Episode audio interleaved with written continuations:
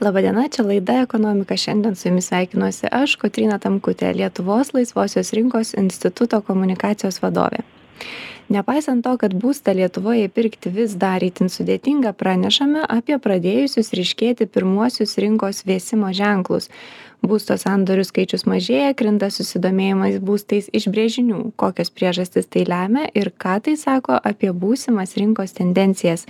Apie tai šiandien laidoje kalbuosi su nekilnojamo turto rinkos analitiku įmonės real data vadovu arnoldu antanavičium. Sveiki arnoldai. Sveiki tai kaip šiandien ta nekilnojamo rink nekilnojamo turto rinka gyvena? Kaip kaip sekasi joje veikiantiems nekilnojamo turto plėtotojams statytojams pardavėjams ir pirkėjams tai iš dalies jūs e, informaciją tą dalinai pasakėte kad yra tam tikri vėsimo ženklai tiktai galbūt reikėtų patikslinti kas galbūt slypi po tuo žodžiu vėsimo. Tai nereiškia kad galbūt e, jau mes matom kainų mažėjimą arba kažkokias korekcijas. Kol kas yra stadija kad rinka yra sulėtėjusi tai yra sandorių mažiau. Ir e, pagrindinė priežastis manau kad e, yra kainų lygis. Ir paprastai kai kainos tampa arba per didelės arba gyventojai nebesiveržia pirkti nekilnojamojo turto dėl vienokių ar kitokių priežasčių rinka sulėtėja ir tas vėsimas galbūt labiau kal yra kalbant apie sandorių apimtis. Tai E, kol kas yra šita fazė. Vystytojai galbūt sudėtingiau kol paskutiniu metu gyvena dėl to kad e, ten yra vidinės ir ir pasiūlos struktūros problemos. e, ta prasme kad ne vienerius metus vystytojai statė lėčiau negu pardavinėjo arba pirkėjai tiesiog išpirkdavo greičiau negu vystytojai spėdavo pastatyti. Ir pagrinde pasiūloje yra didele dalimi būstai naujos statybos rinkoje nebaigti statyti dažnu atveju dar tik brėžiniuose planuose kitaip sakant pažadai kad jie bus kažkada pastatyti tai čia problemų galbūt daugiausiai yra vystant su tais išankstiniais pardavimais ir mes matom ir statistiką ir straipsnius ir antraštes pakankamai skambias kurios kalba apie tai kad yra stiprus kritimas lyginant su e, statistika prieš metus kita mhm. vertus antrinėje rinkoje senos statybos rinkoje kur būstą galima nusipirkti šiandien ir jame iškart gyventi išnuomoti ir panašiai tai to kritimo tokio nėra e, drastiško. Jis galbūt yra šiek tiek dešim penkiolikos procentų lygyje pakritęs lyginant su praėjusiais metais bet jeigu lygintumėm kokių dešimties ar penkiolikos metų perspektyvoje tai e, šie metai yra vieni geresnių. Apart dvidešim pirmų metų nes dvidešim pirmi metai kai jau mes išėjom iš antro karantino ir pamatė rinka kad e, nieko kažkokio armagedono nenutiks.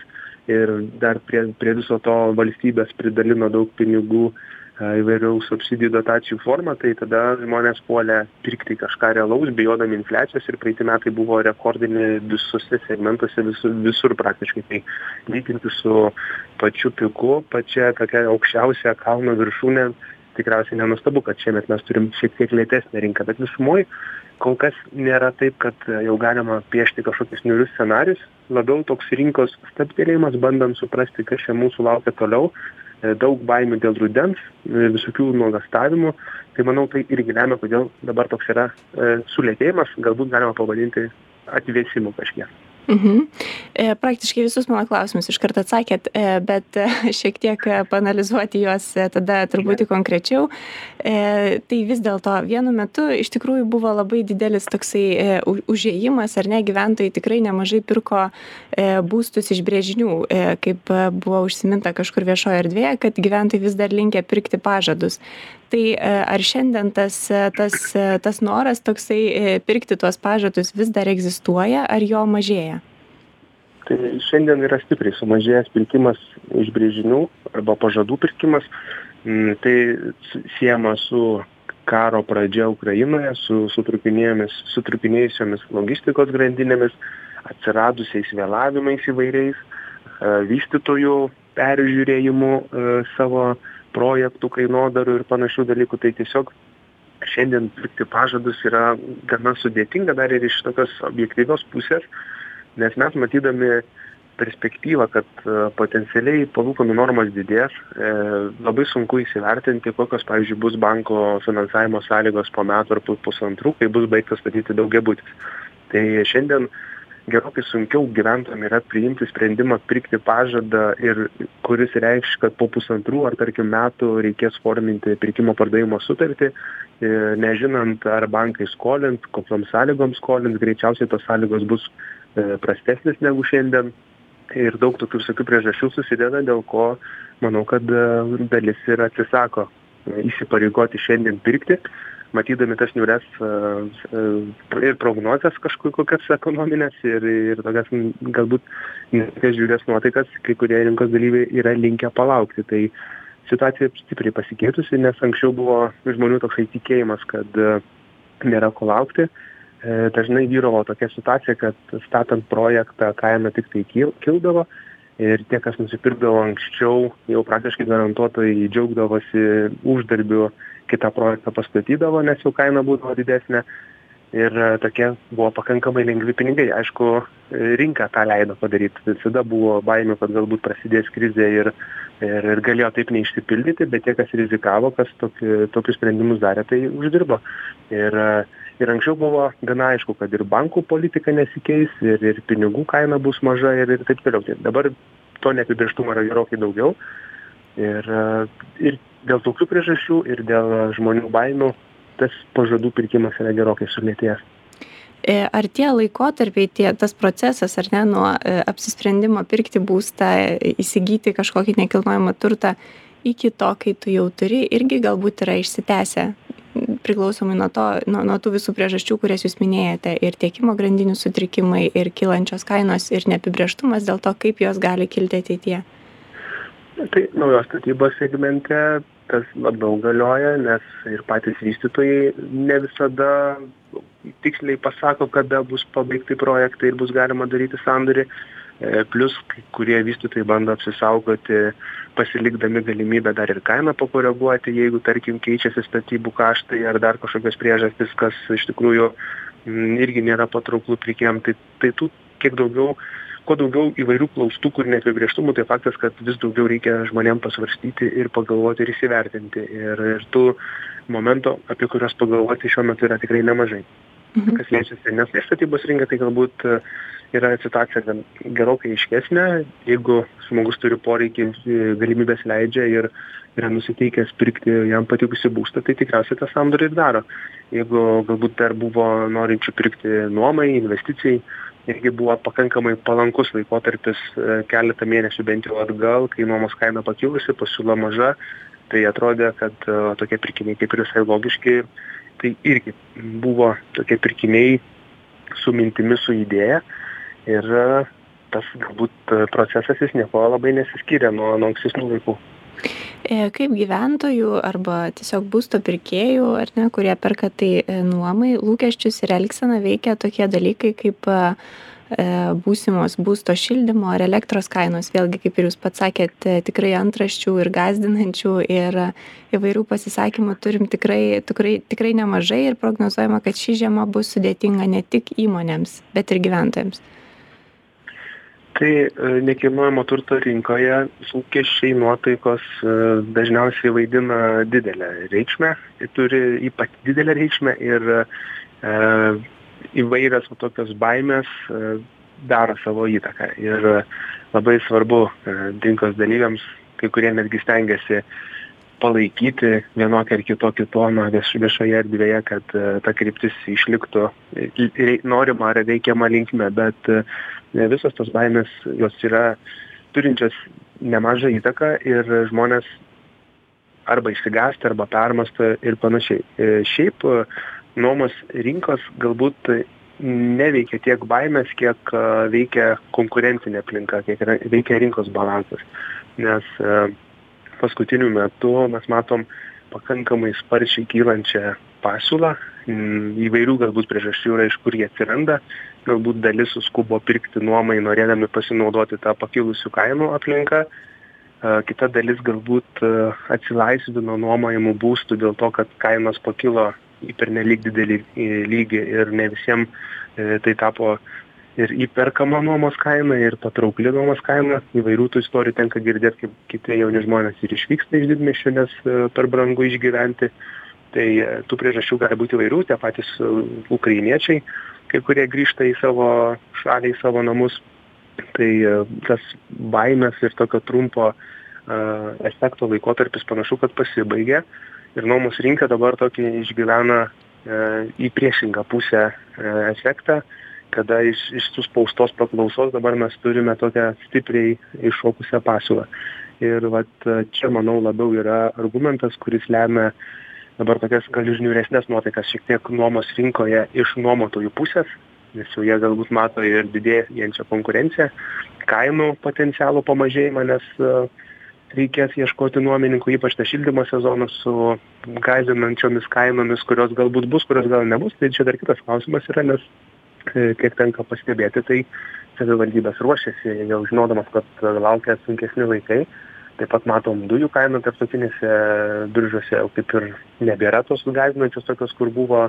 Vienu metu atrodė kad jau galbūt sieks tokias aukštumas kur sunku protu suvokti. Tai kažkaip viskas normalizuojasi panašiai galbūt buvo su kuro kainomis galima tokį palyginimą surasti kai prasidėjus karui kuras pradėjo sparčiai brangti ir galbūt irgi susidarė kai kam nuomonė kad jau už kurą gal mokėsim tris ar keturis eurus už litrą bet kaip matom praėjo keletas mėnesių viskas normalizavosi ir yra visai neblogai. Tai aš esu linkęs manyti kad ir su šildymo kainomis galbūt tų baimių gąsdinimų yra daugiau negu bus realiai bet kol neįvyko ta realybė tokia ramesnė ir ir ir ne tokia baisi.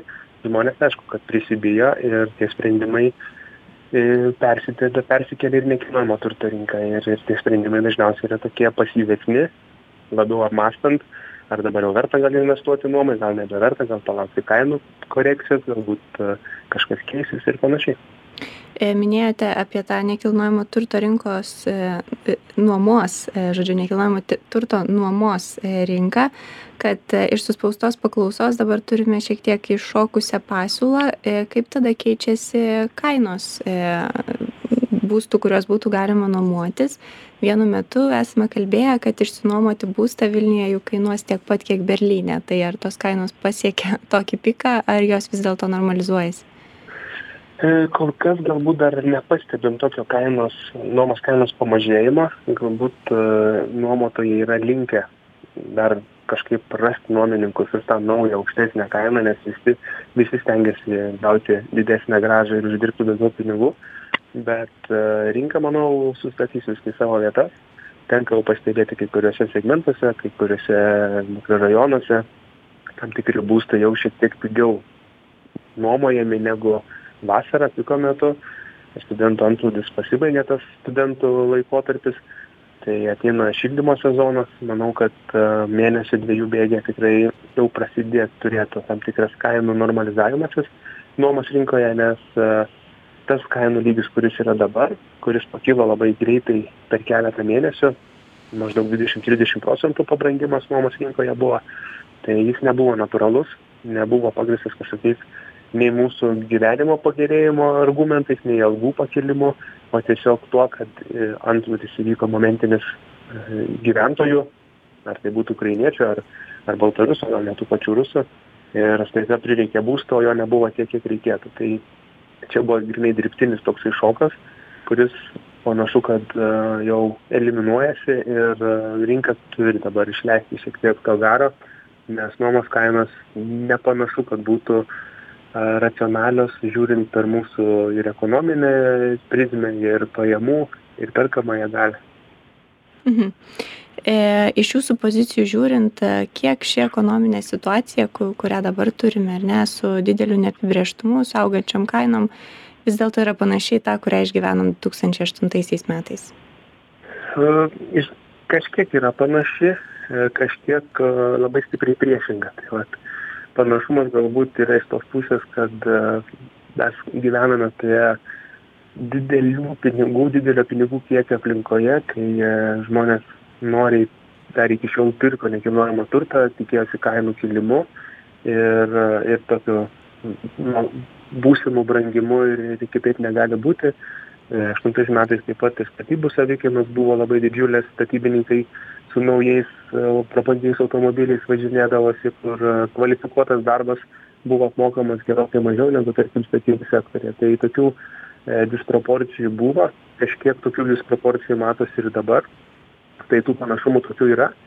Tik tai galbūt esminis skirtumas būtų tai, kad per praeitą pakilimą pinigų antplūdis buvo gana toks nemažas, bet prasidėjus, bet krizė prasidėjo iš esmės, kai tie pinigai buvo sustabdyti, bankai nustojo skolinti, tam buvo objektyvios priežastis tam tikrų bankų bankrotai ir, ir finansinis sektorius išgyveno tokį e, neapibrieštumo laikotarpį, kurio metu stengiasi apsaugoti savo išgyvenimą ir e, buvo užsukti finansiniai kraneliai. Tai vat, šiuo laikotarpiu mes gyvenam tokia atrodytų priešingoje e, atmosferoje. Centriniai bankai labai aktyviai dalyvauja pinigų politikoje, pinigų kiekiai nuolat didinami ir, ir bank, komerciniai bankai pakankamai noriai toliau išdalina paskolas. Tai e, kol ta aplinka tęsiasi, manau, kad situacija, galima sakyti, yra kardinaliai priešinga, nes būtent ta pinigų politika, kuri šiuo metu yra tokia labai, gal net ir atsaini kažkuria prasme, jau mums duoda aukštą infliaciją, duoda tai, kad e, viskas greit brangsta ir, ir kol kas situacija yra e, vedanti į, į kitokią, e, galbūt kitokį rezultatą. Nors 2008 metais irgi galim prisiminti, buvo jau dviženklė infliacija pradėjusi siekti, bet tada jinai pasibaigė.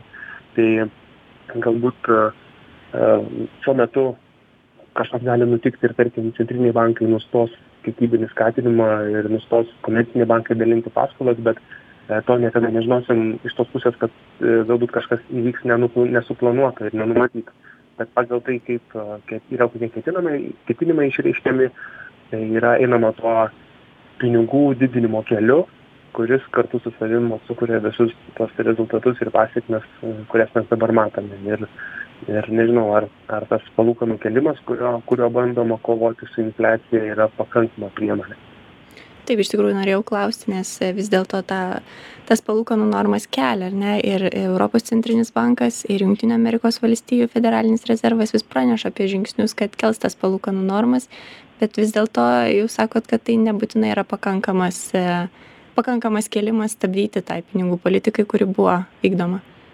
Jo tai vat tas palūkanų kėlimas galbūt yra bandymas parodyti kad yra bandoma spręsti aukštos infliacijos problemą bet e, ta aukšta infliacija mano supratimu ir ekonomistų vertinimu iš esmės atsiranda ne dėl to kad yra mažos palūkanų normos o dėl to kad yra dideli kiekiai pinigų paleidžiami į rinką.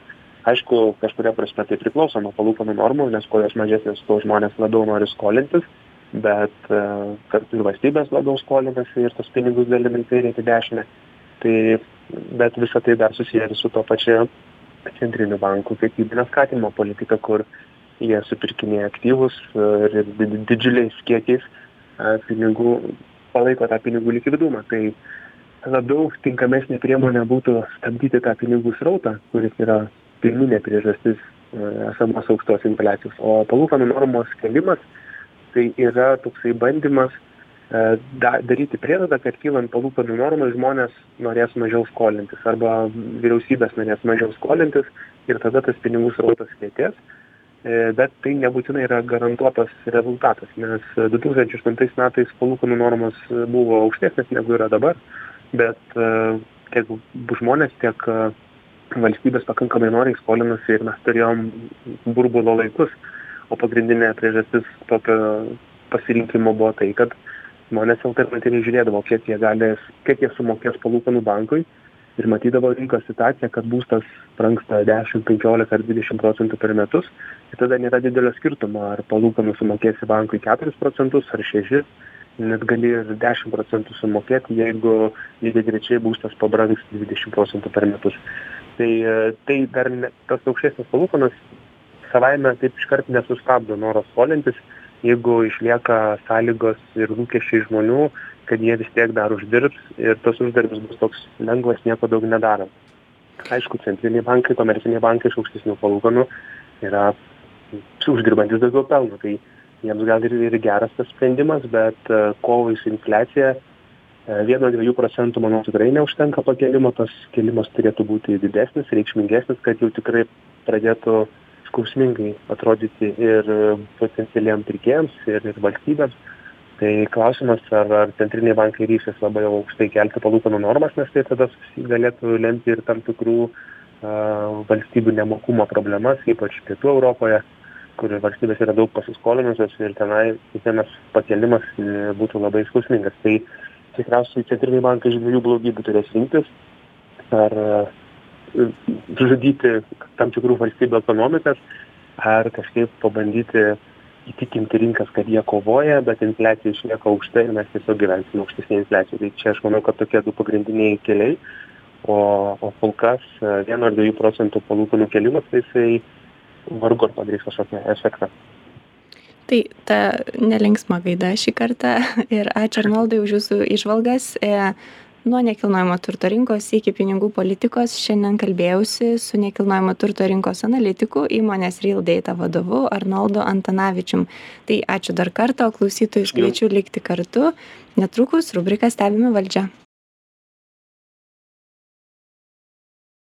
Sveiki sugrįžę, čia rubrika Stebime valdžią, kurioje apžvelgsiu naujausius ir aktualiausius valdžios pasiūlymus seimo rudens darbotvarkės projekte numatytas atsakingos finansų politikos prioritetas kurį planuojama pasiekti numatant aštuonis uždavinius. Vienas jų skatinti savanorišką mokesčių mokėjimą.